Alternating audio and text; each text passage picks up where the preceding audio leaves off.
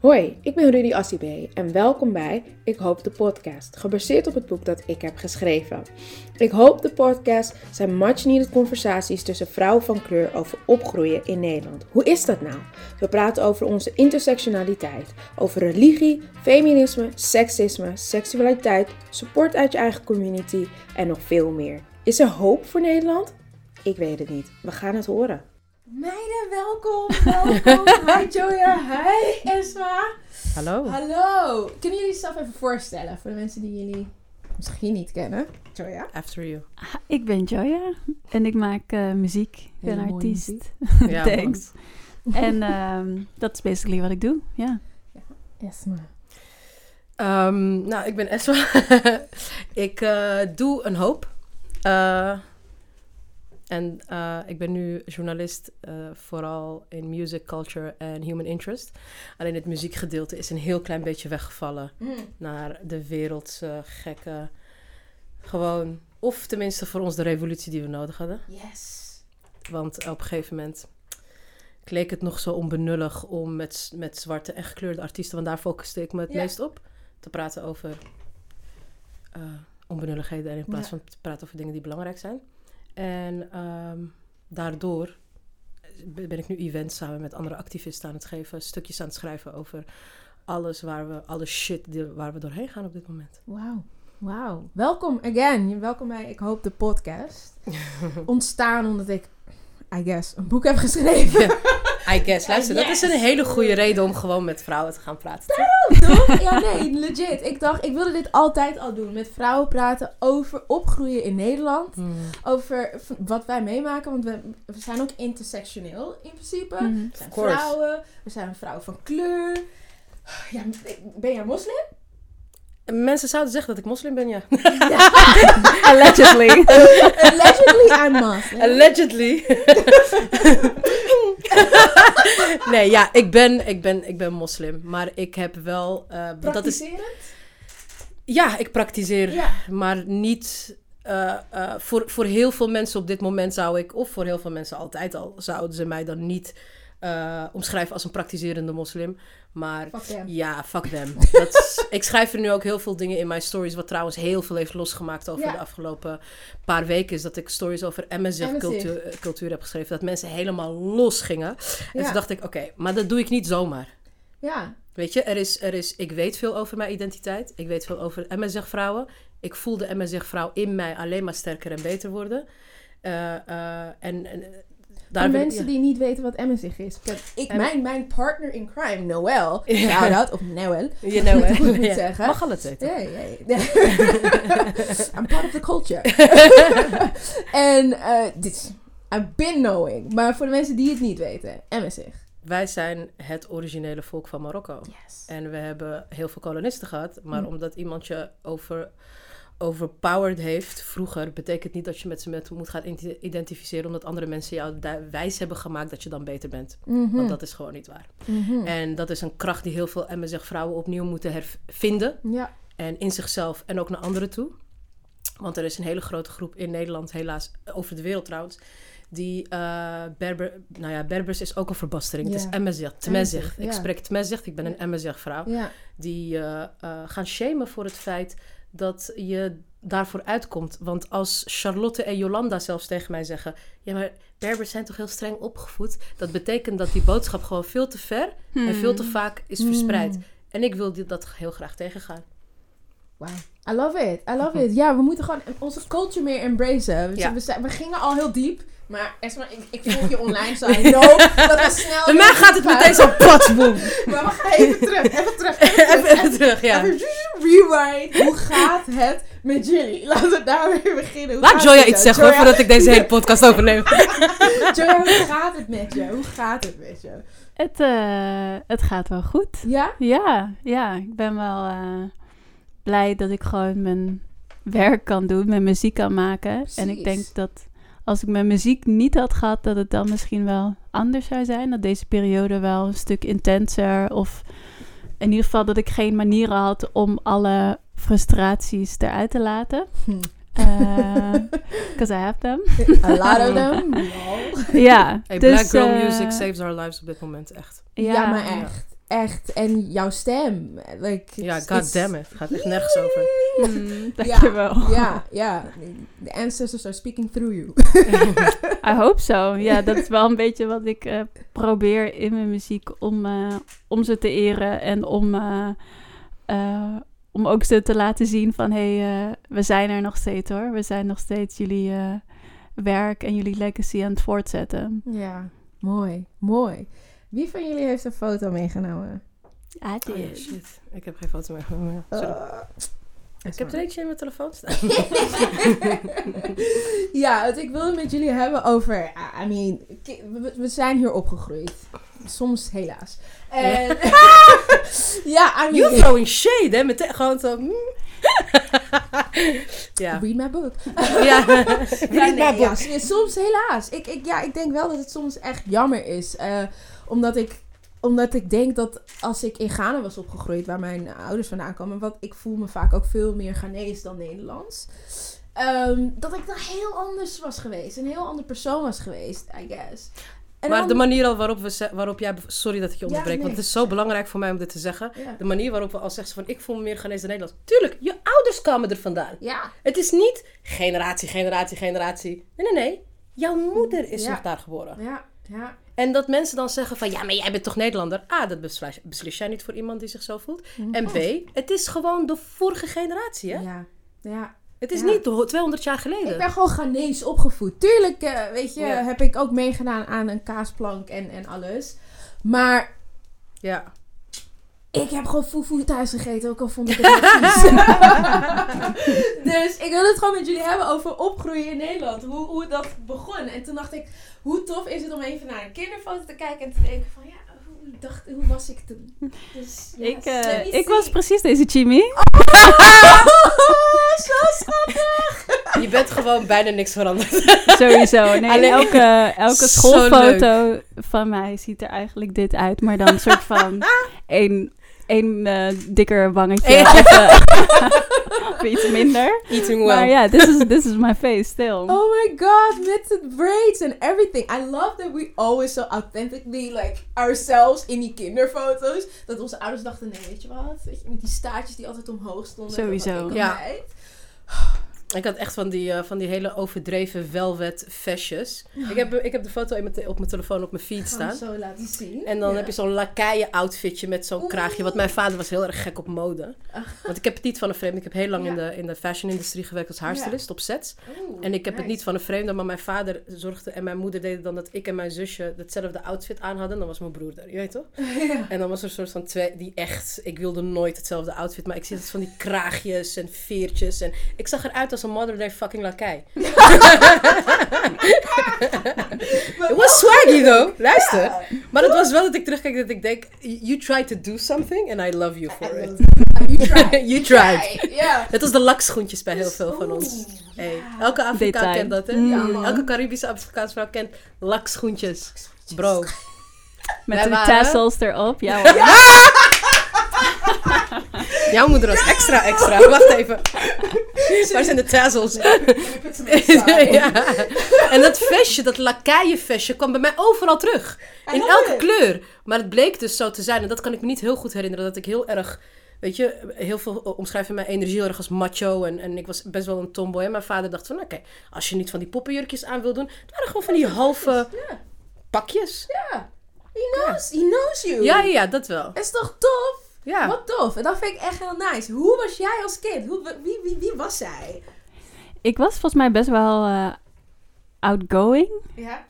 Maar zo, ik voelde me vrij verlegen. Van, ik Ah. voelde me best wel, eh, eh, was best wel low-key op school.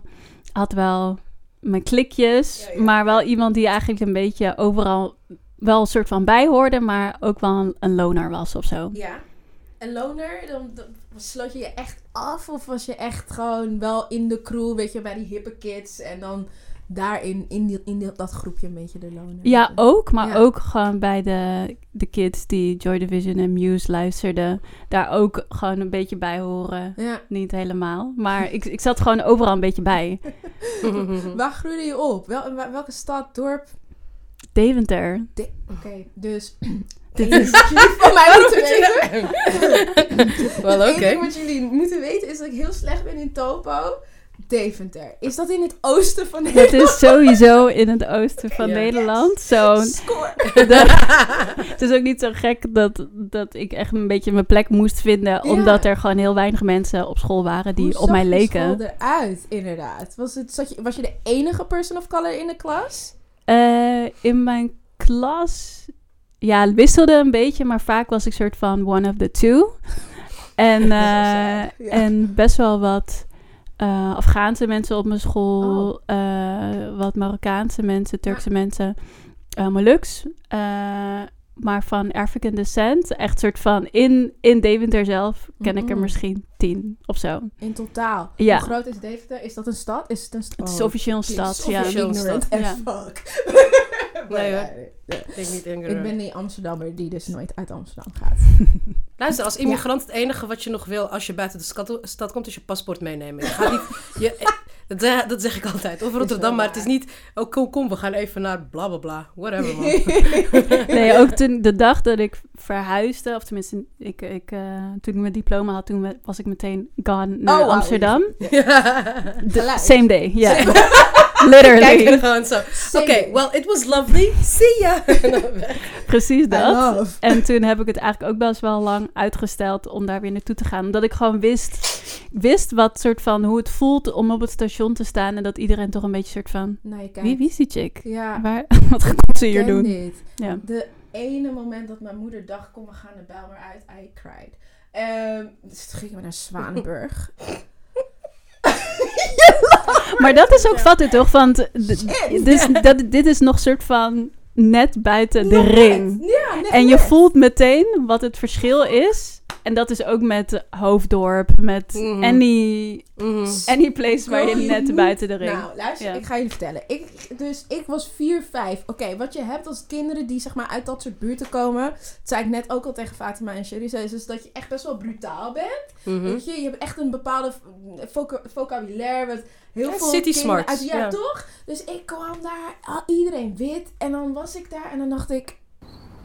Echt dat, gewoon die krekels. Van, What the fuck just happened? Ik ben gewoon letterlijk vijf minuten van Osdorpplein 40, 45 eh, verwijderd. Mhm. Maar het is een totaal andere Ja. wereld. En je voelt je zo bekeken. Je voelt je zo out of place. Yo, ik heb echt aan mijn moeder getrokken van... Kunnen we terug? Alsjeblieft, wat doen we hier? Wat doen we hier? En weet je, mensen gaan denken... Ja, maar je was vier. Hoe weet jij dat? I know! Dat heb je meteen Dus door. It's so traumatic. Ja. Mm. Dat je gewoon een soort van... Je, je bent gewoon niet meer onder je mensen, zeg maar. En ik heb het niet over dat het alleen maar mensen van kleur moeten zijn. Nee, nee, dat hoeft maar. Hoeft ook niet, maar zeg maar, ik had alles om me heen. Ik had echt alles om me heen. En nu had ik niks om me heen. Het was wit. Het was compleet wit. We hadden letterlijk in het hele dorp vijf families ongeveer, I guess, die Mhm. van kleur waren. En, en dat waren de Mokro's, de Turken. Van elk eentje, spaar ze allemaal. Één. Ja, letterlijk. Ja, hier heb je Hier heb je kruisen het. Dat was het. en dat was het. En dat was super confronterend, omdat ik toen echt ben, pas ben gaan beseffen dat ik zwart was. Mm. Het is niet dat ik Mm. niet wist dat ik Ghanese was, want dat wist ik. want Mhm. Dit kooltje krijg je al best wel snel mee. Mhm. Maar dat ik zwart was en dat dat iets anders voor een ander betekent. En dat was zo. Ja. Ik dacht echt, wow, oké. Hadden jullie dat gevoel? Toen jullie, zeg maar, ik weet niet, waar, waar ben jij op gevoed? Is? Nou, wat er bij mij is gebeurd is echt zo'n gek verhaal. Maar mijn leven bestaat alleen maar uit gekke verhalen. Vertel, vertel, vertel. vertel Mijn eens. vader vond het een goed idee om ons van groep 4, toen ik van groep 4 naar groep 5 ging. Mijn broer is een jaar en een paar maanden ouder dan ik. En die van groep 5 naar groep 6. En mijn zusje van 3 naar 4. Ja. We verschillen allemaal tussen de soort van de eerste drie. En we hebben nog acht jaar later een nakomelingetje. Mijn vader vond het een briljant idee om ons van de totale zwarte school eh, op Obieplein, Evenaar, mensen uit Oost die weten het, Amsterdam-Oost, Ja, naar een gereformeerde christelijke witte basisschool in Watergraafsmeer waar geen één zwarte of... Wij, luister, wij hoefden alleen maar een stukje water over en je was in een andere ja, wereld. Ja. En mijn vader had echt zoiets van... Mijn vader komt uit een eh, heel intellectueel gezin Ja. heeft zelf gestudeerd en is echt een eh, genius, maar zo gek als een deur. en die heeft van die ingeving. Ik heb ook al mijn eh, karakteristieke dingen die over mijn larger than life personality af en toe en, en de drang om me uit te spreken heb ik allemaal van hem. Mhm. Het is echt, ik ben zijn kopie wat dat betreft. En die dacht van, nou ja, weet je, ik vind de educatie daar gewoon niet goed. Jullie gaan daar maar heen. En ik weet nog, en dit, ik heb een, een, een eh, event wat ik samen met CEO Joe heb, waar ik ga vertellen over drie significante eh, momenten in mijn leven dat ik eh, dacht dat ik al iemand was. En dat is zo'n verhaal wat ik heb geschreven. En ik, ik benoem dit stukje ook, dat ik naar school ga en we moesten onze handen vouwen en tot Jezus bidden. En iedereen moest meedoen. En ik dacht, wel oké. Nou, en toen kwam ik thuis. Ik zeg, papa, papa, we moeten tot Jezus bidden. En hij kijkt me aan en hij zegt, doe maar, zo onze profeet. Maar je gaat wel goede CITA-score halen. Ik ga stuk. Dat was het. En het was einde gesprek. Er ging, je ging er niet tegenin. Ja, ja, Want ik heb toen dus vier, vijf jaar op een basisschool gezeten waar ik gewoon... Ik ging van Suhaila, Khadija, Salima, elke dag... De Evenaar school was 100% zwart. Er Ja. zat één, oké, 100 er zat één Nederlands gezin bij ons in de... Zo zwart was onze Ja. buurt. En daarna was ik het, waren wij de enige drie Marokkanen op die hele school. Yikes. Wat deed Dat is dat gewoon een gekke experiment. Ja, Ja. nee, maar dat is het echt. Ja. Maar kijk, mijn vader is wel... Mijn vader is dus officieel dan geen gastarbeider, maar kwam hier als student. Mm. Uh, hij is ook een stuk jonger, weet je. En uh, mijn moeder is de oudste van een gastarbeidergezin. Dus we hebben sowieso een hele bijzondere uh, dynamiek in ons gezin. En ik, uh, ik heb een broer die super rustig en heel erg... Uh, nou ja, gewoon tegenovergestelde van ik. En, en dat is dan ook weer zo'n ding dat, je, dat mijn moeder niet zo goed kon wennen aan het feit dat haar dochter gewoon totaal gestoord was. En haar zoon gewoon een soort van... Ja, je weet gewoon, Marokkaanse mensen vinden het over het algemeen, vooral in die tijd, fijn dat je wel gewoon meegaand bent en Ja, doet wat je ja. moeder zegt. Nou, nee, dus. En um, dat is... Het was zo interessant voor mij, want Ja. mijn broer en mijn zusje zijn alle twee blijven zitten en ik niet. Juist. Want ik heb toen al, ik dacht toen al van, alles wat het leven mij, mij, naar mij toe gooit, pak ik bij de ballen en let's go. En aanpakken maar. Ja, want dan zei ze ook tegen me, ja, maar je, je kan zeker niet zo goed leren, bla bla bla, een achterstand. En ik dacht, nee, I have to defend the El Galabzouri name. Want Nee. niet alleen kan ik heel goed leren, maar ik ben beter dan jullie allemaal. Dat had ik altijd al. Je had die zelflove Oh, m- mijn broer en mijn zus zijn alle twee... Niet dat het... Want mijn broer en mijn zus zijn alle twee super succesvol. Ja. Begrijp me niet verkeerd. Want ik heb daarna niet zo heel veel school meer gehad. Kan ik je zeggen. maar, maar ik had wel zoiets van... Oké, nou, als dit het is, I'ma show you. Ik kon Ja. me altijd heel goed aanpassen aan de dingen die het leven mij, naar mij toe gooide. Maar ik had wel dat... In één keer zat ik in de klas met Grace en Nathalie en Antoinette. Ik had een Antoinette, Antoinette. in mijn klas. Bro, luister dan. En die heeft mij ook een keer uitgedaagd. En toen heb ik er ook verteld dat ze dat niet moet doen. op een hele, op een hele, weet toch, subtiele manier. Mhm. En eh, ja, nee, dat was wel, dat was heel bijzonder. Dat was heel bijzonder. Het heeft me geshaped, zeker wel. Het was anders, maar wat ik wel heel bijzonder daaraan vond... Ik heb een hele sterke passie voor theologie, sociologie. Ja. En ehm, eh, we mochten meedoen aan Christmas, weet je. En eh, ik denk dat ik een van de weinige Marokkanen ben... die Gloria in Excelsis Deo heeft gez- gezongen tijdens zijn eh, jeugd. Mhm. En dat is wel heel bijzonder of zo. Het Want brengt wat. ja, Toch? Het is... Het is zeker weten. Ik denk dat mensen heel erg eh, de aanname doen als ik ergens over praat. Maar dat is natuurlijk ook gewoon omdat ik Marokkaans ben en een grote bek heb. En dat is waar. Weet je, ze hebben geen ongelijk. Maar dat ze dan meteen denken van, oh, je roept maar of whatever. Vergeet niet, weet je, dat ik praat als ik weet waar ik het over heb. Juist. Als ik Ja. niet weet waar ik het over heb, dan hou ik mijn bek en dan ga ik naar je luisteren. Juist. En dat is wat heel veel witte vrouwen af en toe wel moet, zich door moeten hebben. Dat Ja. als ik iets vertel over de islam, of ik vertel iets, of ik vertel iets over mijn jeugd, of dingen die ik heb meegemaakt, of dat ik dingen vanuit een sociologisch perspectief, perspectief bekijk, dat ik daar heel goed over heb nagedacht. Juist. Ja, en daar hebben mensen een beetje moeite mee, I guess. Dat ze gewoon ook niet weten wat wij meemaken. Wat, wat, wat we in onze jeugd meemaken en wat ons vormt. Nou, naar ze kunnen er gewoon ook niet Ja. tegen dat we een voorsprong op ze hebben. Exactly. Want het is een bepaald perspectief dat zij missen. Ja, En daardoor niet mee kunnen praten als Ja. we het hebben over... en sommige witte vrouwen Ja. raken echt in paniek als ze niet ergens over mee kunnen praten. Ja, Ja, maar ik snap het niet. Oké, ja. Ik ben niet verantwoordelijk voor jouw upbringing. Want weet je wat je ook had kunnen doen? Googelen naar de mensen die eh, hier wonen in Nederland. Mm. Mm. In plaats van op je twintigste pas tegen iemand te zeggen van... Moet jij ook hoofddoek dragen? Je kan er heel snel achter komen. En Joya, hoe was het voor jou in Deventer? Want je zegt van het was best wel gek om weer terug te komen. En dat je dan op het station staat en dat er eigenlijk mensen naar je kijken. Hoe, hoe deelde je daarmee als kind? Voelde je dat als kind al? Ja, zeker. Van, ik voelde me heel erg out of place. En eh, heel erg bewust van het feit dat mensen een soort van... dat ik een wandelende vraag was. Van dat, het, dat het heel erg Het is zo mooi gezegd eigenlijk. ja, van kan je me precies poëtisch. uitleggen waarom je hier bent en waarom je eruit ziet zoals je doet. Ja. Eh, en, eh, en dat je daar eigenlijk altijd, of tenminste zo ben ik wel een beetje opgevoed, eh, het ofwel op ingaan ofwel negeren. En mijn ouders zijn niet het, eh, type mens die heel erg ehm, eh, andere mensen heel graag snel goed willen laten Mm, voelen of op mhm. hun gemak of zo. Ja. Maar ik had het wel erg omdat, ja, ik ben de enige black kid op deze school en I need to survive. Ik voel deze ogen elke dag. Ja. Eh, dus eh, Waren zij bewust ervan dat jij dat, dat jij dat gevoel wel had? En dat je... ik denk deels, maar mijn ja, ouders hebben een heel eh, intens en eh, complex leven gehad. Dus ze waren, eh, ze zijn ehm, eh, bij de vrijheidsstrijder geweest. eh, ze hebben elkaar in Angola. Meer. Ja. Sitting back, I'm listening. mijn, eh, mijn vader zat heel lang bij het ANC, de politieke partij van eh, Nelson Mandela. En mijn moeder werkte voor een eh, andere organisatie die zich inzette voor de onafhankelijkheid van Angola. En in Angola hebben ze elkaar ontmoet en eh, heel lang hebben ze daar gewoond. En eh eh, shit hit the fan en ze moesten weg. Ja. eh, omdat, En zijn ze eh, alle twee, komen ze uit Angola? As in, eh, Nee, mijn moeder is Nederlands Oh, je moeder is Nederlands. en eh, mijn vader is Zuid-Afrikaans. Oké, Ja, oké. Mm. Bijzonder. dus eh, Ja, heel bijzonder. ja. Was dat ik... Want... Het is echt zo'n movie, weet je. Ja, Dat je dan- ik zit- Alle ik twee word je verliefd op elkaar. Het is best wel een Oh, ding. is echt Het is best wel een ding. Het klinkt heel beautiful, maar waarschijnlijk was het ook heel traumatic voor ja. hun boot. Ja. En heel erg Trevor Noah-ish. Ja. ik bedoel, hè? Ja, het kan. Bekende Zuid-Afrikaan. Ja. Maar ehm, was dat voor hun dus ook toen zij een relatie kregen eh, lastig? Want apartheid. Ja, ja, en eh, los van apartheid, omdat Ja. mijn vader natuurlijk bij het ANC zat, was best wel een organisatie die heel erg, eh. Ja, hard, maar ook heel erg onder de radar moest bewegen. Van eh, sinds mijn zeventiende had hij een andere naam. Eh, dus iedereen die maar op een spion leek, werd heel erg verdacht. Dus mijn moeder is heel, ook heel erg lang verdacht en haar huis overhoop gehaald. En eh, dus het was gewoon een hele intense situatie waar er heel veel gewelddadige aanvallen zijn gepleegd, ook op mijn vader en zijn collega's.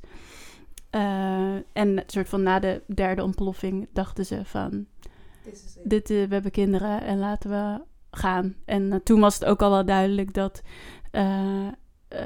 dat Zuid-Afrika akkoord ging met het feit dat, dat eh, apartheid toch niet zo goed was. Eh, Toch niet een heel briljant idee toch uiteindelijk. niet. Eh, dus Mandela kwam aan de macht en toen gingen ze los doen. Ja. Maar hoe oud was jij toen? Of was jij toen nog niet geboren? Nee, ik ben in Nederland Ik geboren. in Nederland Ja, ja. Ja. Wauw. Wauw. Heftig. Ik vraag me ook altijd af, hè, want apartheid is iets wat ik veel, echt, ik was denk ik 16 of zo toen ik daar echt in, in ging verdiepen. Het is niet iets wat, wat Nederland, waar Nederland over praat, terwijl ik, Nederland heeft best wel een groot aandeel in apartheid. Is- Dat is wat Nederland is altijd van, doet. Ze hebben alleen maar zwarte sch- geschiedenisbladzijden. Ze willen er nooit over praten. Nooit. Dat En is, Ze ja. houden zich doodstil over apartheid en dan is het vaak zo van ja, maar dat, dat was Ze profiteerden er gewoon nog Ja. steeds. En heel veel toen en nog steeds van. Dat is waarom ze er niet graag over praten. Ja, en ik, ik vraag me dus ook altijd af dat als mensen dus... Ik ben benieuwd. Toen jij jong was, heb jij geleerd over apartheid op school? Neem aan, wel van je, van je ouders en dus ook van, over Angola en alles. Maar op school, heb je daar iets van geleerd? Ik, ik vermoed dat, dat ik er misschien één keer iets over heb gehoord. Eh, en toen ook wel kanttekeningen maakte naar de Toch? Naar de geschiedenis. Ja. ja. Ja. Dat, want dat, ik had het echt, ik was diegene die altijd in discussie ging. En uh, ja, ik Same. toch. Zit, ehm, meneer Goudkust is Ghana nu.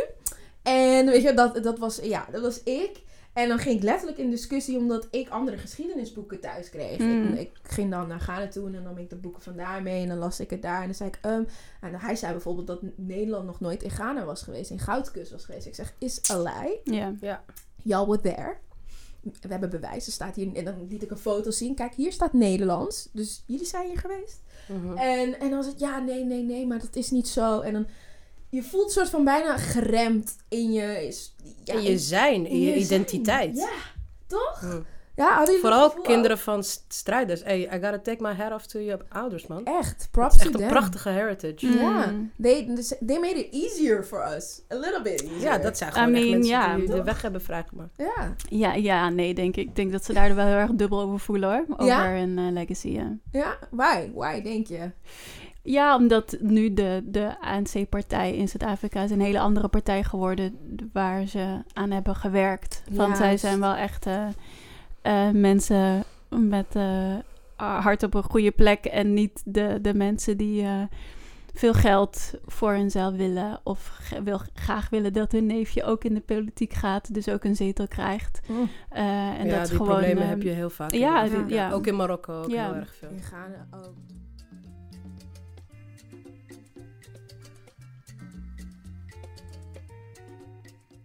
Let's talk about this. Wij hadden even een paar dagen terug over community en hoe onze community elkaar support. En ik denk dat dit ook wel een Ik weet niet of dat het ding is wat je met mij... Ik ben echt zo radicaal. Nee, maar Ik heb echt zo'n radicale view op onze community. Ik denk dat, ik na deze podcast misschien echt... Get, get her the fuck out of there. Nee, maar het is goed, want ik, ik mis dat soms. En ik heb best wel veel gesprekken erover. Is dat, eh, en ik denk dat dat ook wel zoiets is. Hè? Ik bedoel, dan ben, heb je, ben je eindelijk vrij. Je, nou ja, soort toch vrij. Ja, ja, maar goed. Hè? En, en dan ga je eigenlijk hetzelfde doen als de oppressors. You become the oppressor eigenlijk. En- Zwarte en gekleurde mannen vooral. Dus ja, dat is Mhm. waar. elke keer als je je mond open doet naar zwart... Laten we, laten we, laat ik even voor mijn eigen community Ja. praten. Want ik ben al een keer geprofileerd als de spreekbuis voor de zwarte vrouw... door een editor van een blad. Dus dat, ik heb daar niet weer zin in. Ja. Ehm, als, ik, als je elkaar bekritiseert in je eigen community... Mhm. Vooral, ik ben alweer de tweede generatie Marokkaanse vrouw. En ik ga, ik, het lijkt me alleen maar logisch dat waar mijn, waar mijn vrouwen de eerste generatie zijn gestopt, neem ik het gevecht van ze over. Juist. Want Na- Naima Elbazas heeft zich van het leven beroofd. Ja. Heel veel andere vrouwen struggelen, zijn gescheiden omdat ze eh, dachten dat eh, huwelijk, eh, dat ding was binnen in de eh, moslimcommunity. Heel veel hebben gestreden. En dan denk ik, oké, waar jij stopt, daar ga ik verder. Mhm. Lijkt me alleen maar meer dan logisch. Ja. En waar ik verder ga, is ook voor zorgen dat ik kritischer en vocaler ben naar gekleurde mannen, dus Marokkaanse mannen. Ja. En dan krijg je, ja, maar vooral nu in deze tijd. Ja, maar weet je wat het is? We hebben nu al een common enemy of iemand die we, institutioneel racisme, die we naar beneden willen halen. Dus dat is beter achter de schermen. Nee. Want tien jaar geleden was het mijn beurt niet. Twintig jaar geleden was het mijn beurt niet. En nu is het ook mijn beurt niet. Dus nu moeten we weer Wacht. Vervach- eh, nu moet ik dus weer wachten of vechten met de Marokkaanse man voor mij. En dan zit ik weer op de achterbank. Nee bro, dat gaat hem niet worden. Hmm. Ja, ik vind dat heel interessant. Want als je nog steeds eh, eh, Marokkaanse actrices hebt die Ja. met zwarte broeders gaan. Want Ja. het zijn onze broeders. Die uitgescholden worden voor af en alles en nog wat. En heel veel Marokkaanse bekende jongens hebben openlijk een witte vrouw. En geen haan die ernaar krijgt. Dan wil ik, dan wil ik wel even weten waar komen expose pagina's in fucking 2020 nog vandaan. Hmm. Hoe kan dat? Hoe kan dat? Dat is een vraag. Ja, hoe dus we zijn, dat? als er, geen, als er geen equality is within our communities, dan ga ik niet de vlag in de, in de, eh, in de, in de lucht steken. Ja. Mij heb je dan nog niet mee. En dan te zeggen, ja, maar nu is het de... Nee, de witte man is namelijk altijd al daar die we naar beneden moeten halen. Het is niet nu opeens... Juist in een uprise van, glo- van een, glo- een globale uprise tegen institutioneel racisme... moeten we juist naar onszelf kijken. Juist onszelf harder aanpakken. Want de enige reden waarom het ze steeds lukt... is omdat wij niet unified zijn.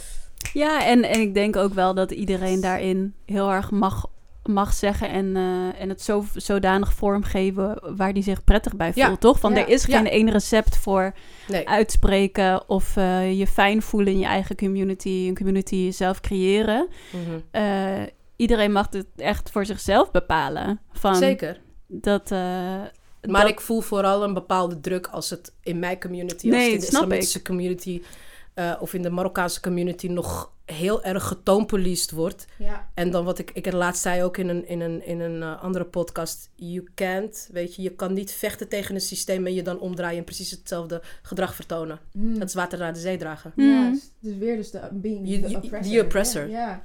En in mijn community begint het echt een beetje gevaarlijk te worden. ja, ja. Het is, het is ik, shocking. Ik, een vriend van mij stuurde een tijdje terug een foto door... waar inderdaad een Marokkaanse meid met een, een zwarte man ging. En de comments eronder. Ik heb met twee van die meiden gesproken. Ik kan je vertellen dat ik echt de hele dag heb gehuild. Toch? Ik kon niet... Ik krijg er gewoon weer ja, ik van. ook. Ik heb Het een meisje die, die, die drie weken geleden nog. Mm. En je zit ernaar te kijken en je denkt, dit kan gewoon niet waar zijn.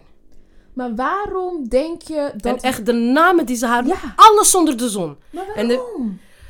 Omdat wij be- vrouwen die een positie hebben in de media of alleen maar een klein beetje aandacht online, als een Marokkaanse jongen alleen maar zijn veter strikt die iets doet, oh my god, de glory en de praise.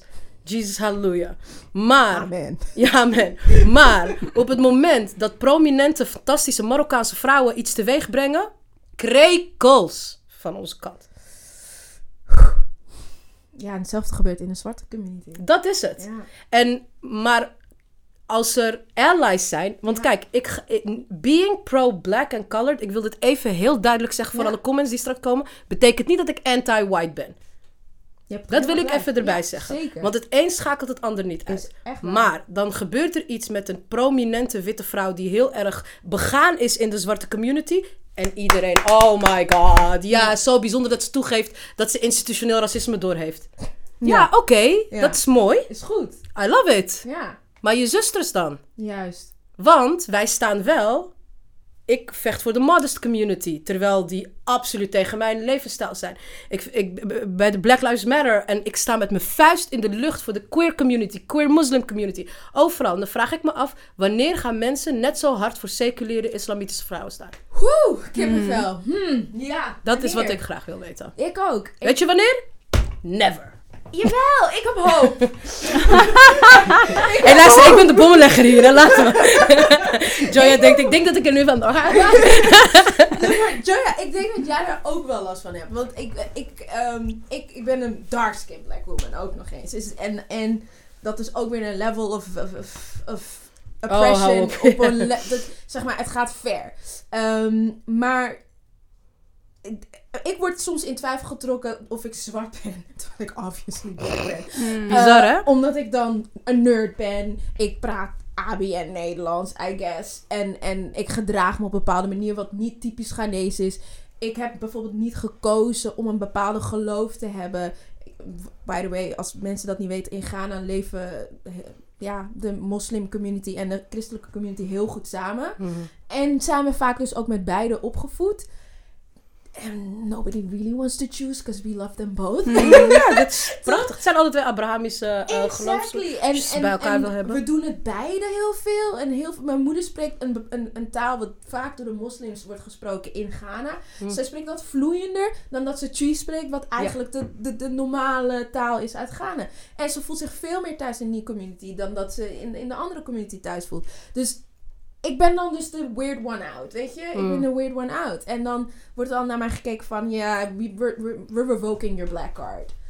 Jij als lightskin zwarte vrouw, wat ik eigenlijk die hele dark skin lightskin is al een, iets waar ik me aan irriteer, maar wel een ding is. Mm.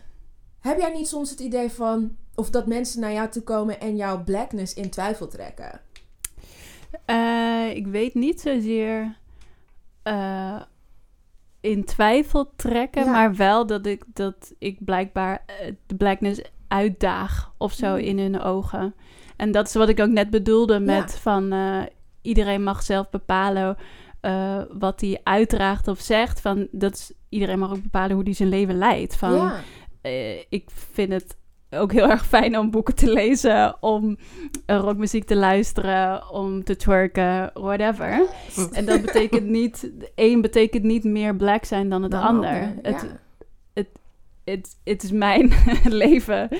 Dus dat, eh, ja, daar, daar ehm, hoe voor, formuleerde je de vraag ook alweer? Nou ja, dat ze, dat ze jouw blackness in twijfel trekken. Ja.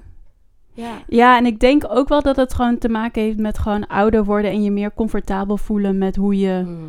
hoe je beweegt. Gewoon Mm. hoe, je, hoe je bent, wat, wat belangrijk voor je is. En dat het, dat het een het ander niet uitsluit. Van dat ik eh, podcast, de tech podcast Reply All fantastisch vind, betekent niet dat ik less black ben. Juist. En dat, dat is denk ik wel iets wat de wereld je misschien heel erg probeert te vertellen. Dat het een ervoor zorgt dat je kleur mi- minder is of zichtbaar is. Eh, maar it isn't. Het is het. Ja. Het is echt niet. Het is alleen de, de hele representatieverhaal van als je niet zichtbaar bent in een fucking comic world of op een eh, bepaalde school of op de biologie, eh, in de biologieklas, Mhm. dan zie je niet en dan ga je misschien dat associëren met, met de witte mens. Maar fuck. Love that. Oké, Ja. Joya, ze is klaar. Haar, Ja. haar, haar motor zit aan. net. Yes. Ja, je mag gewoon echt je plekje veroveren. Ja. ja, want ik denk dat dat het ook wel is. Ik denk dat eh, onze community een beetje last heeft van representatie. Want ze hebben het niet gezien. De zwarte man hebben het niet gezien. Marokkaanse man hebben het niet gezien. Dat wij vrouwen Ja, vaak... denk je? Ja, nou, Mm. ik denk, en dan eigenlijk niet willen accepteren. Of niet? Nee, kom op. Nee, maar waarom doen Ze hebben toch zo? hun hele leven iedereen van ons om hun heen. Ze hebben gekozen Mm. omdat men weet, en ik ga het niet heel erg uitspreken, want ik wil, weet je, ik wil ook ergens nog mijn journalistieke inte- integriteit bes- eh, beschermen. Mhm, Maar er is een cadeautje mhm. voor wanneer je succesvoller wordt. Ja. Zeker. En we weten allemaal dat wanneer zwarte en gekleurde mannen succesvoller wo- worden, wat er dan gebeurt met hun omgeving. En dat gebeurt niet bij zwarte en gekleurde vrouwen. Waarom denk je dat het niet bij ons gebeurt? Bij vrouwen? Omdat. Eh, Ja, ik denk dat het vrouwen in het algemeen denk ik ook wel is, ja. ja, Ja, het is, het is ja. natuurlijk weer de patriarchy, Ja. of course. Ja. Maar ik vind het wel heel bijzonder hoe. ehm, je had bijvoorbeeld in de jaren negentig, wat ik echt het meest belachelijke ter wereld, echt the worst vond. Dat ik. eh, ik ben opgegroeid in de stad in Marokko. Dus opgegroeid, dat bedoel ik. Je gaat elk jaar naar Marokko. Je bent daar twee maanden, geen vakantie. Je bent gewoon thuis. Even thuis van thuis. Ja. Eh, wij zijn dan. Mijn vader woont al generaties in de stad, El Husima. Mhm. En mijn moeder komt uit een dorpje. En in de, als, je naar, als je op vakantie gaat, ga je altijd met de familie van je vader. Daar is waar je woont. Maar omdat mijn vader dus, hè, eh, dat is ook de reden dat hij niet een gastarbeider was. Die woonde gewoon in de stad. Dus dat was ook best wel een hele bijzondere eh, iets om mee te maken. Om gewoon zes weken in een stad, in plaats van in een dorpje, gingen wij maar één, één weekje van, Ja. van de zes weken. Of zelfs een paar dagen maar. En ehm, de dorpjes om mij heen, eh, om, om El Husima heen. En nog een keer, let wel, ik maak geen verschil tussen. Dit is geen kla- klassisme, whatever, bla bla bla. Mijn moeder komt uit een dorpje die niet eens op de kaart staat, maar fucking geweldig is. en ehm, eh, kwamen er heel veel eh, Marokkaanse gezinnen naar El Husima toe. En dan kochten ze daar hun vakantiehuis. Of als ze dan meer konden betalen, want vroeger was het heel goedkoop, deden ze er nog eentje op het platteland. Whatever works for them. Ja. Maar ik zat gewoon in het huis van mijn opa, die daar gewoon een huis had in de stad. En uh, dan kwamen er dus gezinnen naar El Husima toe, uh, om daar, want de stad uh, had je meer te doen. En dan waren gewoon letterlijk gezinnen uit Gouda, Tiel, Den Haag, met van die Marokkanen, die, het is wel heel grappig, want elke stad had zijn kenmerken, die dan met zusjes, die dan niet naar het strand mochten, of een hoofddoek droegen of whatever. En God weet of het wel of niet uit eigen wil is. En dan een of andere Char Charlotte die er achterna hobbelt.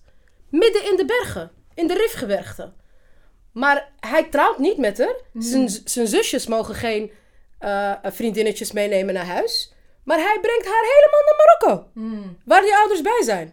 Kijk, je mag zeggen over Marokkanen wat je wil. En je mag zeggen over mijn gezin of over mij wat je wil. Maar bij mijn vader, niemand neemt niemand mee totdat jullie gaan trouwen. Vrouw niet, man niet. Ik heb geen zin nee. in. Maar mijn vader had echt, iedereen wordt gelijk behandeld. Juist. Maar wat ik dan niet begrijp van zo'n, van zo'n, van zo'n witte vrouw. Hij sluit zijn zusjes op. Ja. Maar jij gaat helemaal met hem mee naar... Vind je dat goed? Waarom accepteer je dat? En dan heb jij het tegen mij over feminisme. Juist. Just sit down for a second. Mm -hmm. Let me talk about that. Die Juist. feminisme van je.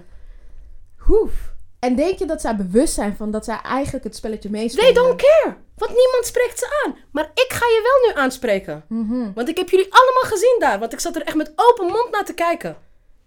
Ja. Dus dan in, in die van die domme Honduras die je van de sok uh, koopt. Ja, kijk, alhamdulillah, ik kan ook iets zeggen. Je, je bent een clown. ja, je speelt het. Je, je speelt, speelt, een clown. Ja. Maar dan kom je hier praten over... Ja, maar Marokkaanse vrouwen dit en dat en toch onder druk. Nee, nee, nee. You don't get to talk. Als jij met je vrienden eind jaren 90, begin 2000... Want dat is wanneer... De, want nu is Marokko heel anders. Maar toen was het echt nog zo bizar. En ik zag al die... Mijn, tante, mijn neef heeft het een keer gedaan. En mm -hmm. wij komen echt uit een heel hard gezin. Zijn allemaal heel, heel hoog opgeleid. Maar wel, iedereen is gelijk. Heeft het één keer bij mijn tante geflikt. Mijn tante zei, oprotten. Want je zusjes doen het ook niet. Juist. Mijn tante is helaas over, overleden. Larhma, maar ze was echt een baas daarin. Ja. Zo trots op haar. Goed. Maar waarom denk je dat is het seksisme... speelt dat een grotere rol dan dat we nu accepteren in de, in de POC community? Is, Totaal. is dat het? Joja, wat denk jij? Is, In welke community? in, in de POC community, in de People of Color community, denk je dat, dat wij te weinig praten eh, over seksisme in, in onze community? Sowieso. Ja. Ik denk dat, het, dat de, de dialogen heel snel gaan van seksisme binnen mijn industrie of binnen de muziekindustrie of Muziek, binnen. ja. Ja, maar eh, mensen vergeten heel snel dat het onderdeel is van de maatschappij, Ja. van deze prachtige multiculturele maatschappij. Zo Je zou haar gezicht nu moeten zien terwijl ze dat zegt. So beautiful. en wat het effect heeft, wat, Ja. wat het effect heeft op nog wel die patriarchie in stand houden, die ook gewoon in stand wordt gehouden door het Westen. Maar mensen associëren dat heel erg met de andere cultuur die, Ja. die je hier heeft Ja. overgenomen. But it ain't. ja. En is het, is het iets waar jij eh, als kind en misschien ook zelfs nu nog last van hebt? Dat je, want je, ik werk ook in de muziekindustrie. Ik heb lang in de muziekindustrie Ja. gewerkt. Ik werkte op een gegeven moment bij Topnotch en dan werk je met alle rappers. En, Ja. en, en eh, word je ook op een bepaalde manier als vrouw naar gekeken. Is het iets waar je, waar je, waar, waar je last van hebt? Als je, ook, eh, als je nu bijvoorbeeld bezig bent met muziek, als je gaat optreden of als je ergens naartoe gaat, naar een label toe gaat. Dat je anders wordt behandeld omdat je dan ook nog, je bent een vrouw en dan ook nog eens een person of color.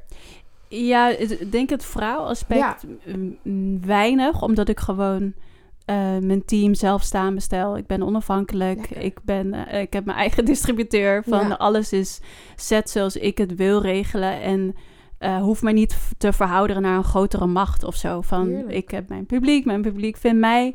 En ik denk als je heel erg eh, nog zoekende bent of, of het eh, heel erg op zoek bent naar succes in soort van de meer traditionele manier van Ja. de muzieksucces, dat het dan wel heel erg lastig wordt, omdat je dan ook in, in het hele image-verhaaltje eh, daarbij komt kijken natuurlijk als vrouw zijnde, maar ja, ik heb echt gewoon scheid van ik, ik probeer mijn muziek te maken zoals ik die wil maken. Dat lukt volgens mij op de, de artistieke manier hoe ik het wil doen. En daar zit voor mij al het succes in. Ik hoef, eh, ja, ik hoef niet op een cover of zo. Nee. Je hoeft Nee. ook niet de het is heel mooi, denk ik, als je eh, kan ophouden met bevestiging te zoeken in spaces waar ze sowieso niet eh, naar je zochten. Precies. Juist. En dat Ja. is denk ik de grootste vrijheid van de reden dat al die vrouwen die jij op je lijstje hebt gehad. En ik adoreer ieder, every one of you, ieder voor mij, van Fatima tot Charissa tot Veronica, iedereen zoekt geen bevestiging meer in spaces waar ze niet welkom zijn. Het is... Ja, en, en soort van als je ook weet, als je je hele leven hebt geleid en, de, en je, je voelt en je weet, niemand is me ooit gaan checken voor dit. Geen enkele label heeft me ooit gebeld Ja. voor je shit. Waarom, waarom zou ik Zou me ik dan dan- ja. aanpassen, dat Ja. willen? Eh, Cause I'm fabulous. Yes! Woo! I love it, I love it. Yes, fuck. Ja, Joya. Goeie, goeie. Joya, goeie. you bring joy. Ja, you do, you kinda do. Ja, nee, ik, ik, ik, had, ik heb ergens in mijn boek ook geschreven over de Black Girl Magic. En het feit dat we zogenaamd in een... Hier komt een reclame en een kleine shot voor Yes, het boek van... Ik hoop. ik ben een marketeer, hè, jongens. I, I, I, I stay You, in you this do lane. you. Nee, ik, ik eh, ben het zat dat mensen zeggen, ik, eh, ik ben kleurenblind. Ik zie geen kleur. En, Dat is eh, jammer voor hen als ze dat niet zien. En ik dacht, ik ga hier iets op zeggen, want ik denk, what the fuck? See my color, please. Ja. Dus ik zei het volgende. Dit is wat mensen zeggen altijd als ze zeggen, ik zie geen kleur. Maar we zijn toch allemaal mensen? Ik zie geen kleur hoor. Iedereen is voor mij hetzelfde. I hate when people say that. Het klopt inderdaad. We zijn allemaal mensen en we zijn op een bepaalde manier allemaal hetzelfde. Toch is het een utopische gedachte om te zeggen dat je geen kleur ziet. Want een zwarte man in een te dure auto valt op en is een reden voor een politieagent om hem staande te houden. Velen van ons krijgen te horen dat we terug moeten naar ons eigen land. En vele dochters hebben wel wat uit te leggen als hun vriendje niet wit is. Niemand is kleurblind. Iedereen ziet kleur, dat doe ik ook. We zijn allemaal bevooroordeeld. Je zou dat moeten erkennen in plaats van uit de weg te gaan. Door kleur te negeren, negeer je je blinde vlek. Ik zie geen kleur, bagatelliseert de gevolgen die mensen van kleur ervaren door hun huidskleur. We leven nou eenmaal in een wereld waar ras bestaat. Ook al zijn er verschillen, ras, verschillende rassen bedacht door de maatschappij. We kunnen niet negeren dat die bestaan en dat ze zichtbaar zijn. En ik wil ook helemaal niet dat we dat, we dat negeren. Zwart zijn is fantastisch. Ik ben er enorm trots op. Het voelt magisch om zwart, Ghanese en vrouw te zijn. Black Girl Magic is echt. En ik wil dat je ziet hoe mooi dat is. Mhm. Right? Woo! Erg echt. Shut the fuck up. I'm black. And I, I love it. Ik zag ook laatst die jongen van BNF. Sorry, dat Ja, ik, je, ga, ga, ga. Ik, ik moet hem even. Hoe heet hij nou ook alweer? Die leukert. Die dat bij ook spuiten en slikken. Die, die Marokkaanse jongen. Shit, ik ben zijn naam Oh, dit- vergeten. dit- dit- dit- ik, hij, Hij heet diepvriespizza. Ja, op ik zeggen, de pizza verzorger of iets Ja, op Instagram. hij was in een podcast van Jesse Klaver. Hij Ja. is echt, oh, ik hou van hem, maar ik ben zijn naam kwijt. Ik, ik ben normaal heel goed in dit soort dingen. Ik ga zoeken. Ehm, hij had een podcast opgenomen met Jesse Klaver. En toen had hij het over zijn MSR eh, eh, Ja. Eh, achtergrond. En toen zei hij ook zoiets profounds daarover. Want hij spreekt dan perfect zonder accent of whatever. Omdat hij zo welbespraakt is. En toen Sahil. zei... Sahil. Juist. Naar Shout-out naar jou, man. Yes. En toen zei hij zo van... Jij veegt even alles wie ik ben en mijn roots alleen maar om te zeggen soort van ja maar jij bent wel bespraakt dus jij bent niet zoals de rest en bla bla bla Ja. dus jij gumt gewoon even mijn geschiedenis voor mij uit zodat jij niet hoeft na te denken over mijn geschiedenis Juist. dat is niet hoe het werkt Nee. en, en kijk, en dit is ook waarom het heel gewelddadig is. Ik vind, ik vind dingen altijd heel... Ik ben heel over... Maar I don't give a shit. Mm. Het is gewelddadig om tegen iemand te zeggen... Ja, maar jij bent anders. Dus, want jij bent... Oh, die is ook mooi. Vernederlandst. Luister even heel goed naar me. Ik spreek vijf talen. Ik ben de helft van de wereld over geweest voor mijn werk. Toen ik haarstylist was... Ik was niet maybe de makkelijkste om mee te werken, maar ik presteerde altijd fantastisch. En dat wil jij, ga je jezelf gaan toe-eigenen aan jouw ras, alsof mijn ras dat niet voor elkaar kan krijgen? Oh nee, dat, ik ben Dat flexibel, ja. ik ben wie ik ben, omdat ik ook een MSZ-vrouw ben. Juist. Ja. En, en dat is denk ik wat mensen niet, vaak niet willen accepteren of zo. Die dualiteit. Want ik, toen ik dit aan het schrijven was en toen, Ja. ik, en toen ik überhaupt bezig was met identiteit en dit en dat. Aan de ene kant besefte ik, ah, Kaulo, ik ben wel Amsterdams en Nederlands. ergens, ergens, weet je toch? Je hebt bepaalde dingen overgenomen. En, en, en, en, en, maar ergens... Je bent een mutatie. Juist, Je bent een geëvalueerde En waarom dingen. Wij leven in de toekomst. Exactly. En waarom is dat niet oké? Waarom kunnen we niet alles, waarom kunnen we niet alles Om- om- omvattend zijn? Omdat mensen gepro- geprogrammeerd zijn, vooral dan de mensen die dit tegen je zeggen, om te denken dat immigranten en kinderen van eh, eh, immigranten niet, eh, niet kunnen accelereren als ze alleen maar zich vasthouden aan hun identiteit. En dat is de puurste, puurste vorm van institutioneel racisme. Mm, Dat mm. is hoe ze je naar beneden halen door te zeggen. Dat een keer een man tegen mij zei. Ik zat ergens in een chique hotellobby op mijn sponsor te wachten. Ik had echt een. Weet je, L'Oreal was gewoon mijn sponsor. En, en, en, dat, ja. en dat ik naast hem zat. En begon hij een praatje met me te maken. kwam ergens uit Twente. En die had zijn vrouw meegenomen voor een lekker weekendje in een chic hotel. Die zei: Oh, maar dat heb je heel goed gedaan. Ja, ik heb ook Marokkaanse voor mij werken.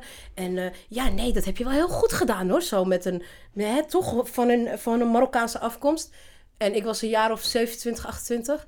En toen zei ik tegen hem: Oh, heeft u dochters? Ja, ja, mijn dochter is office manager eh, bij een administratiekantoor. Toen dacht ik: Ja, maar als je wil gaan vergelijken, zorg er dan voor dat je dochter succesvoller is dan mij. Ja. Voordat je dat zegt. Juist. Want ik Ja. zeg niet dat ik dan succesvoller mag zijn dan een eh, office manager op een administratiekantoor. Maar ik vind je vergelijking nogal bizar. Ja. Dat heb je wel goed gedaan voor een Marokkaanse vrouw. Waarom die- voor een Marokkaanse vrouw? Ja, die dan, weet je, publiceert in, in, in magazines en grote shoots doet, maar eh, je, je trekt niet hetzelfde lijn voor je eigen dochter. Juist. Ik Ja. heb niet om de vergelijking gevraagd, jij. Jij maakt de vergelijking. Jij maakt de vergelijking, maar zorg er wel voor dat die eerlijk is dan. Ja.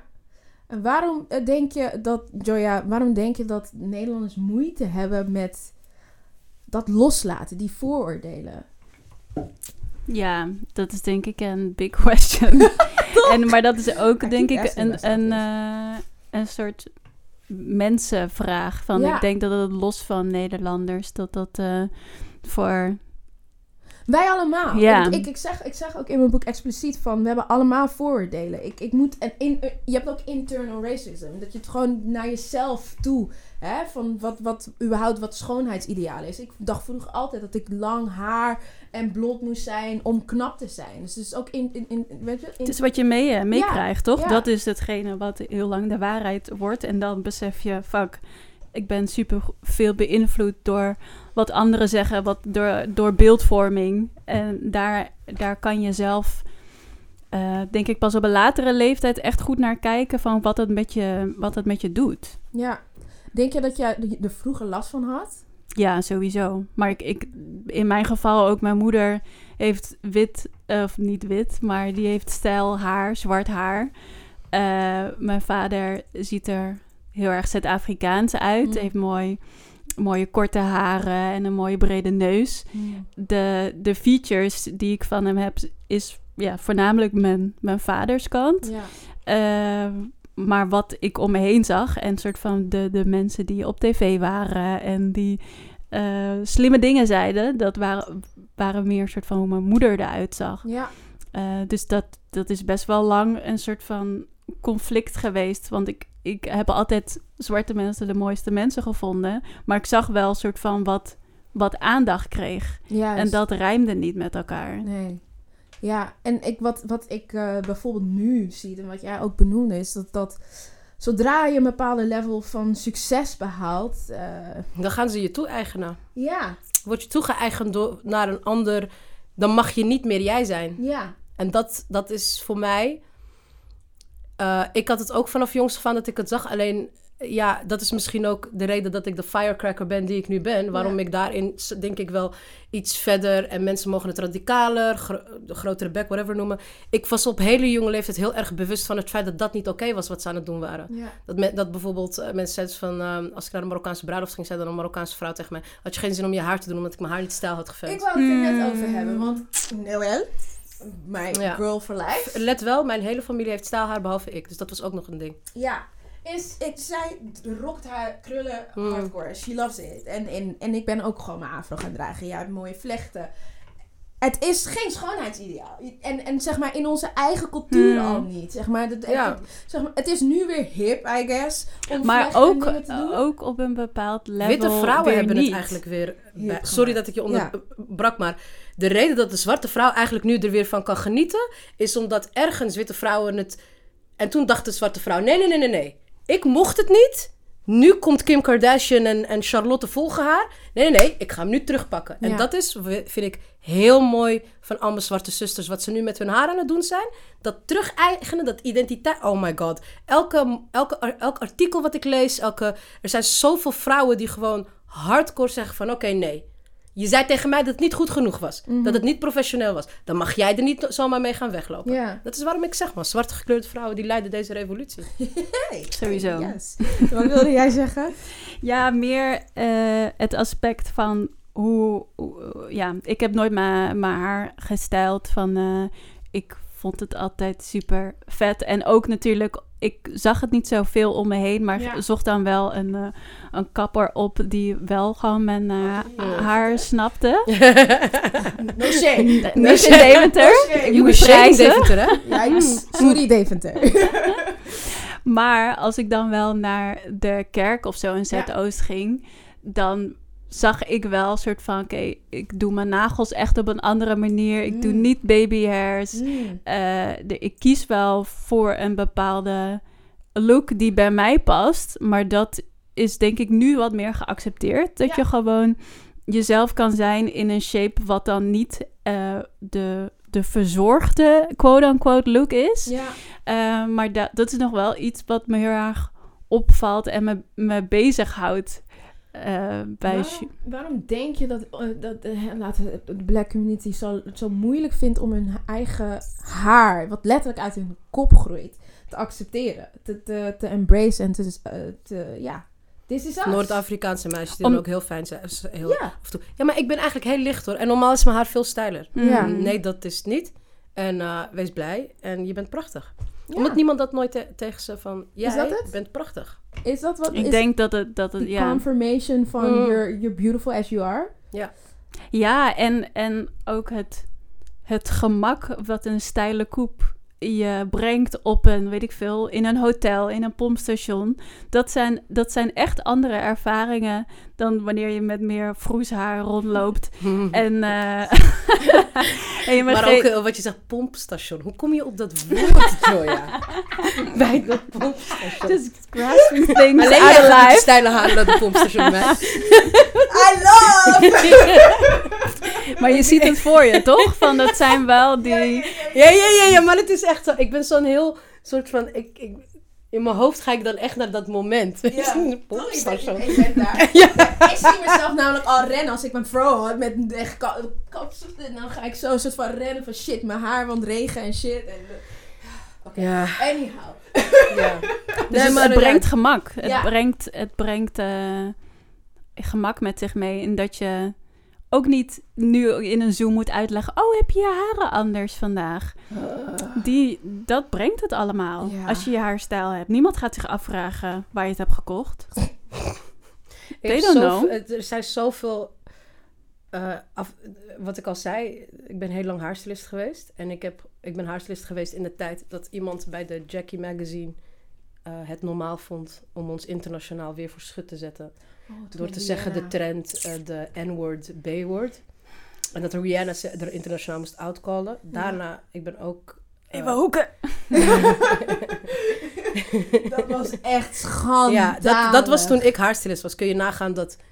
En, en dat ook eh, een heel groot blad in hun derde issue al besloot... om zich lekker schuldig te maken aan blackface. Hele, Ja. hele harde blackface ook echt. Het, was, Ja. het was echt walgelijk. Het was niet eens een mooie shoot dat ook nog is. Het was echt fucking lelijk. Dat ook nog is. Echt the worst. En ehm, dat... En dat diezelfde vrouwen nu allemaal, weet je, want we hebben het, want ik schrijf voor de modebladen, ik heb heel veel rommeligheid gehad met de messiness gehad met de bladen. Iedereen die me volgt op Instagram weet het, zo niet, weet je, dan het staat in mijn highlights, ga lekker lezen. I don't give a shit anymore. Ehm, dat zijn nu de vrouwen die opnieuw aan iedereen willen vertellen, oké, nou, eh, we hebben geaccepteerd dat we eigenlijk een beetje racist assholes waren. Dus nu gaan we het veranderen. Niet Ten het ways to be an ally.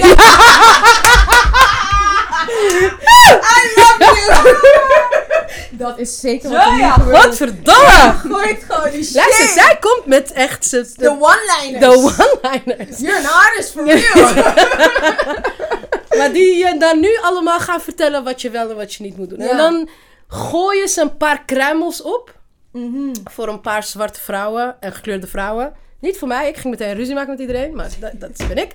En eh, vergeet niet, en als je je aangesproken voelt, mag je me WhatsApp, I don't give a shit. Als je vecht om die eerste kruimels, dan, heb je, dan is het niet, je hebt de oorlog niet gewonnen. Je bent geen systemen van binnenuit aan het veranderen. Ik heb 13 jaar eh, eh, ervaring op de set. Bij hele grote modebladen. Niet alleen in het binnenland, ook in het buitenland. En ik heb heel hard gewerkt om daar te komen. Vijf keer zo hard als iedereen. En ik ben humbled en ik ben nog steeds heel blij dat ik dat heb mogen meemaken. Maar ik ben ook blij dat het fucking voorbij is. Mm. Maar ik denk dat het, dat het ook heel veel te maken heeft met soort van naïviteit. Dat, dat mensen dan denken. En, en wat iets heel moois is, hè? Mhm. Maar waarvan ik denk als je langer werkt.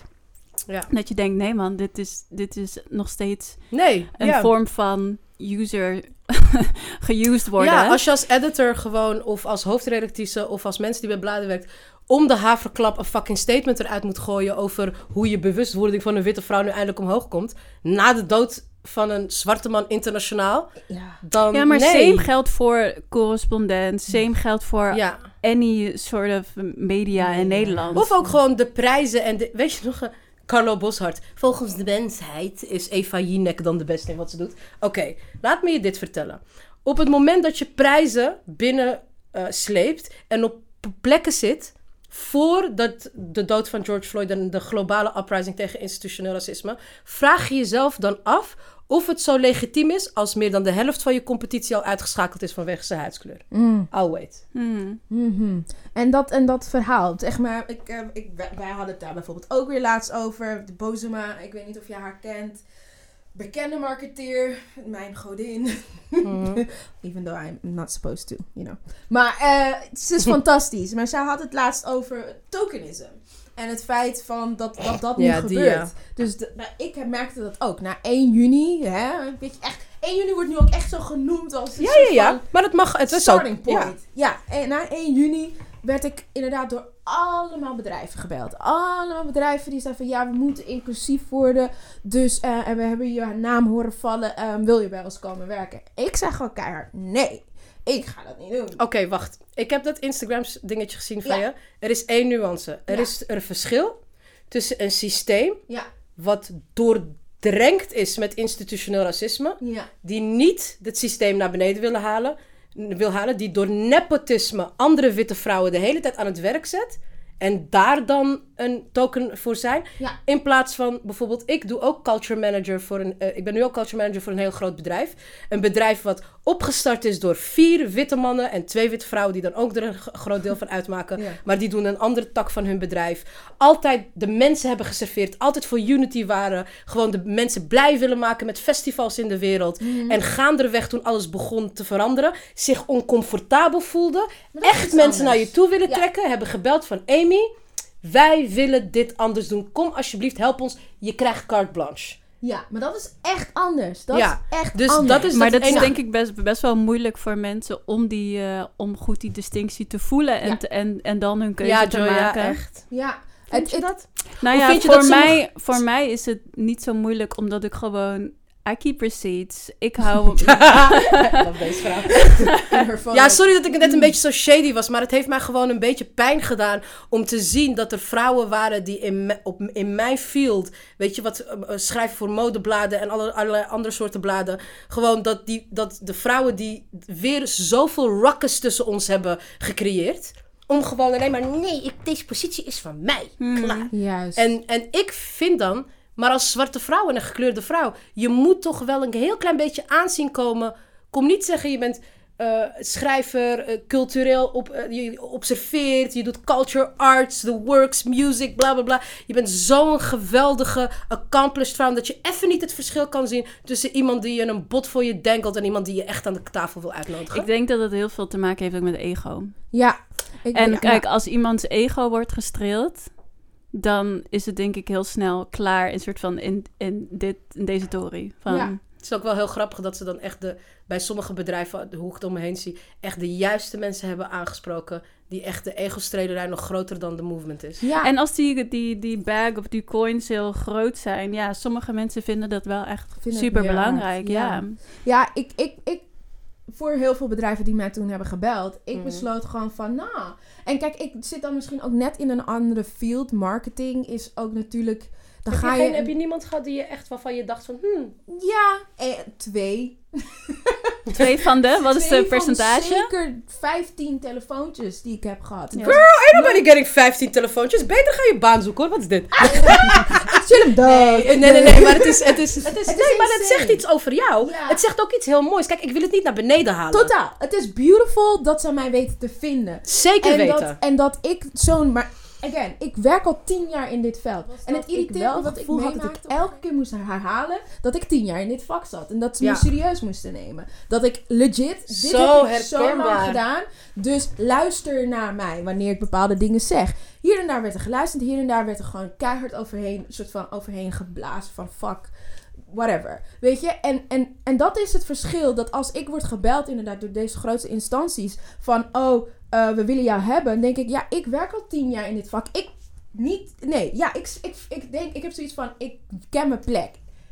Zoek iemand die misschien niet zoveel ervaring heeft als ik. Maar wel dit, deze plek zoveel meer verdient. Zij wordt Maar niet zoek gezien. ook uit, een soort van specifiek heel veel instellingen willen nu iets. Ja, En daarvan moet je denk ik echt aanvra- eh, afvragen als je daarin geïnteresseerd bent.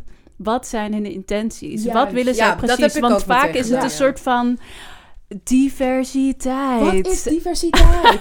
en, en dan kom je daar en shit is still white as fuck. En ik kan niet als enige zwarte vrouw dan gaan, ga- eh, alles gaan redden. Want ik heb het toen bijvoorbeeld ook gevraagd. Hoeveel mensen van kleur werkt dan in jouw bedrijf? Ja, je zou wel een van de eerste zijn. Eén van of ben ik de eerste? Weet je, ik, ik ben al zo Nou, ik, heb, ik heb, ja, dat is heel goed dat je dat, want ik heb wel, nou, nou ga ik misschien bijna tegen mijn eigen dingen, wat ik net Ja. zei.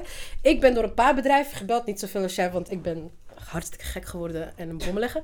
Dus mensen bellen mij niet zo vaak daarvoor. Dus dat is ook goed, want ik, heb, ik hoef ook niet meer, ik, ik kan heel slecht tegen autoriteit. eh, totdat ik je respecteer, dan pas ga ik naar je luisteren. Tot die tijd Ja. ben, je me, ben je me kwijt. Ik respecteer, of accept, nee, respecteer misschien wel, accepteer niet een titel die door jou is gegeven aan iemand die ik niet ken. Ja. Ja, ja ik doe niet aan eh, social structures. Want als ik vecht tegen de eigen social structure die ik niet bij me vind passen, waarom zou ik die wel accepteren van een of ander bedrijf? Juist. Dus als je huppel de pup, titel de tiet daar bent, leuk voor je. Maar I don't recognize their authority. Nee. Dus laten we gewoon praten van mens tot mens. Dat te hebben gezegd. Er is, zijn twee bedrijven waar ik echt geïnteresseerd in was. En ik heb wel voor de 100% witte bedrijf gekozen. En niet voor dat andere bedrijf waar een paar zwarte mensen tussenin zaten. Want, en dit is misschien ook weer waarom mensen straks tegen me gaan zeggen: shut the fuck up. Maar Nee. ik vond de zwarte en de gekleurde mensen. Nou, het waren een paar gekleurde mensen vooral. Dus niet eh, Oh. helemaal zwart, maar eh, Hm. le- leken meer op mij. Die waren gewoon helemaal gevormd naar dat bedrijf. En ik heb liever dat Ja. we vanaf het begin beginnen. Dat Ja. je zegt: Amy, ik wil alles weten wat je me te vertellen hebt. Welke boeken moet ik? Ah, sorry, we wisten niet beter. Let's do it. Dan gewoon een pleidooi. Ja. Dan, dan iemand die je er eigenlijk binnen wil hebben. Omdat jij nog. Oké, nou we hebben een paar gekleurde mensen. Maar schijnbaar waren die niet goed genoeg. Want die hebben niet zo'n grote bek als jij. Want de, de tokenisme daarin herkennen. Dat vind ik een moeilijker ding. En toen heb ik wel gezegd van, nou ja, ik heb liever Opnieuw beginnen dan. opnieuw beginnen. Ja. Dan dat ik in een systeem kom. Ik ga niet voor kruimels vechten. Nee, zeker niet. En ja, en wat is ook een soort van het framework, toch? Ja. En als je gewoon ja, ja. ergens in mag werken waarin je gewoon weet, oké, er wordt in ieder geval naar me geluisterd. Zij willen plan A, ik kan die shit doen. Dan is het helder. Ja. En dan, hoor je- dat, dat heeft ook, het hoeft altijd niet, niet per se over kleur te gaan. Maar wel dat je voelt van, ik, ik word specifiek gevraagd door mijn kracht. En hier ga ik ook gewoon... Maar het is ook een muziekbedrijf. Ik heb natuurlijk ook heel lang in, in, in de muziek gewerkt als haarst. Ik was een van de weinigen die altijd met ook weer mensen van Topnotch werkte. En Ja. altijd muziek de mode in probeerde te brengen. Want de mode wilde niks met muziek te maken hebben. Ja. Zodat ik zei van bro's, luister dan. Dit gaat ontploffen, weet je. DJ's zijn de nieuwe rocksterren. Dat zei ik al 15 jaar geleden tegen Luister, kijk, ik denk dat, dat het is inderdaad de nuances. En, en, en eh, ergens voelde, voel ik soms ook wel dat ik op dat soort plekken moet werken om verandering te brengen. Kijk, yo, ik kan alles zeggen wat ik wil van Sony Music, maar ze hebben me wel Brown Skin Girl laten doen. As in van een, een fucking grote track van Beyoncé. En we Mhm. hebben daar kapot veel geld aan uitgegeven om, pro, eh, om eh, zwarte vrouwen op de kaart te zetten. En het waren prachtige foto's geworden. Ik En een fucking grote expo. mooi. En, en Echt niet normaal mooi. ik moet, ik moet wel de MT daar wel voor bedanken. Dat, dat, want dat was een van de meest prominente black... Maar wacht even, thing. wacht even. Mag ik je, sorry, Ja. bedanken. Maar je werkte daar toch? Ik werkte daar. Dan hoef je niemand te bedanken. Zit sowieso niet. Maar, hè? It's. Ik hou van jouw kleine zeden. Je hoeft niemand, te- want je werkte daar. Zij moeten jou bedanken, want jij hebt, Totaal. jij Ook. hebt, het iets, Ook. je hebt iets aan ze laten zien. Ja. Wat, Nou ja, eh, ik ja. moet vooral de persoon bedanken die ervoor heeft gevochten. En dat was een white man. Die, heeft Ja, die eigenlijk letterlijk zijn baan ehm, soort van eh, heeft geriskeerd om te zeggen... Weet je wat, doen jullie het maar. Ik heb nog geen ja, maar doen jullie het maar. Het is zo sad dat mensen moeten vechten. Dat je, want ik, ga dan, ik refereer dan nu weer even naar de modebladen. Dat sommige editors gewoon overtuigd moeten worden om zwarte vrouwen te featuren. Ja. In 2020. Ja, we weten niet of het verkoopt, hè? Ja. Zie je, kijk, weer, hè? Maar het is toch echt van de zotte, om het maar zo even te Ja. zeggen. Dit is wat je doet. Alsjeblieft, ik ben er ook. Nee, wacht, ik ga eerst even een editor letter schrijven. Omdat ik op zoek naar mezelf ben gegaan en realiseer hoeveel privilege ik eigenlijk heb, ga ik nu één zwarte vrouw featuren deze maand. Oké, bye. Oké, nou iedereen, oh my god. Zie je, dan krijg je dat weer.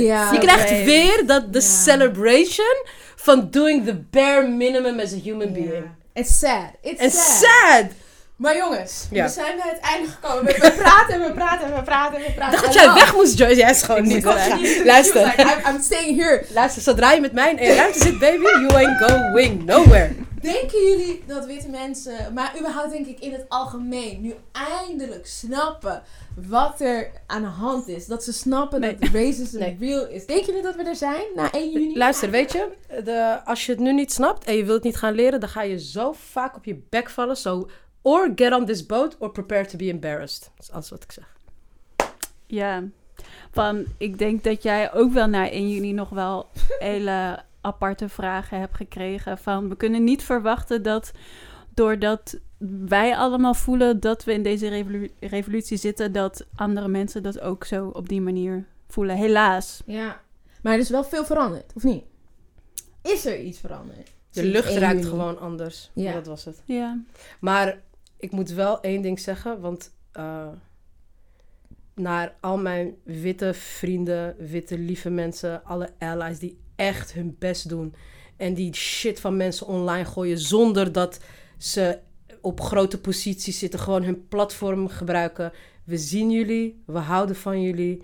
Voor alle mensen die wel een, een mixed race eh, relationship hebben uit liefde, dat is niet waar we het over hebben. We hebben het gewoon even over de fucking performative Mhm. people. Maar Mhm. al die andere mensen, jullie zitten in En mijn hart, denk- weet je? Ook nog wel los van performative. Echt, er zijn zoveel soort van verschillende generaties in Nederland.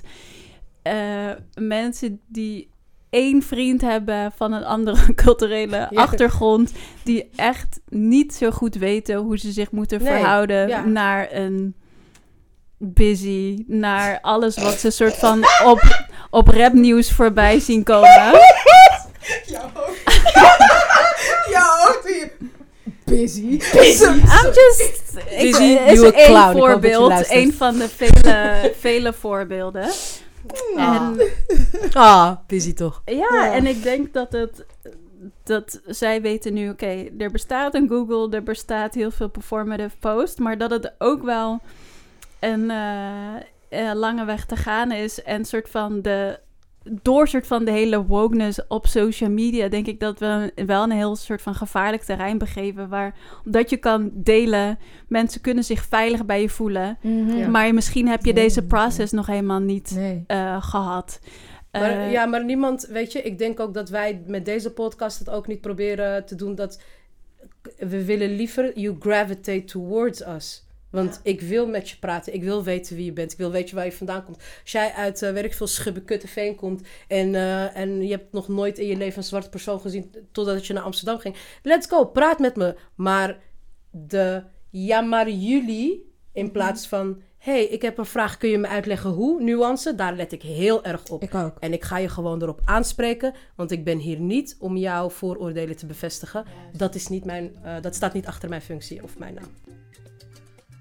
Yes. Nou, oké. Dan zijn we bij het einde gekomen. Ik wil afsluiten met jullie hoop voor de toekomst. En dan moeten jullie jullie zin natuurlijk starten met ik hoop. Joya. Ja, I know it's hard. Heb je hoop voor de toekomst? Ja, en zo Joya. Oh ja, heel gesprek, maar nee.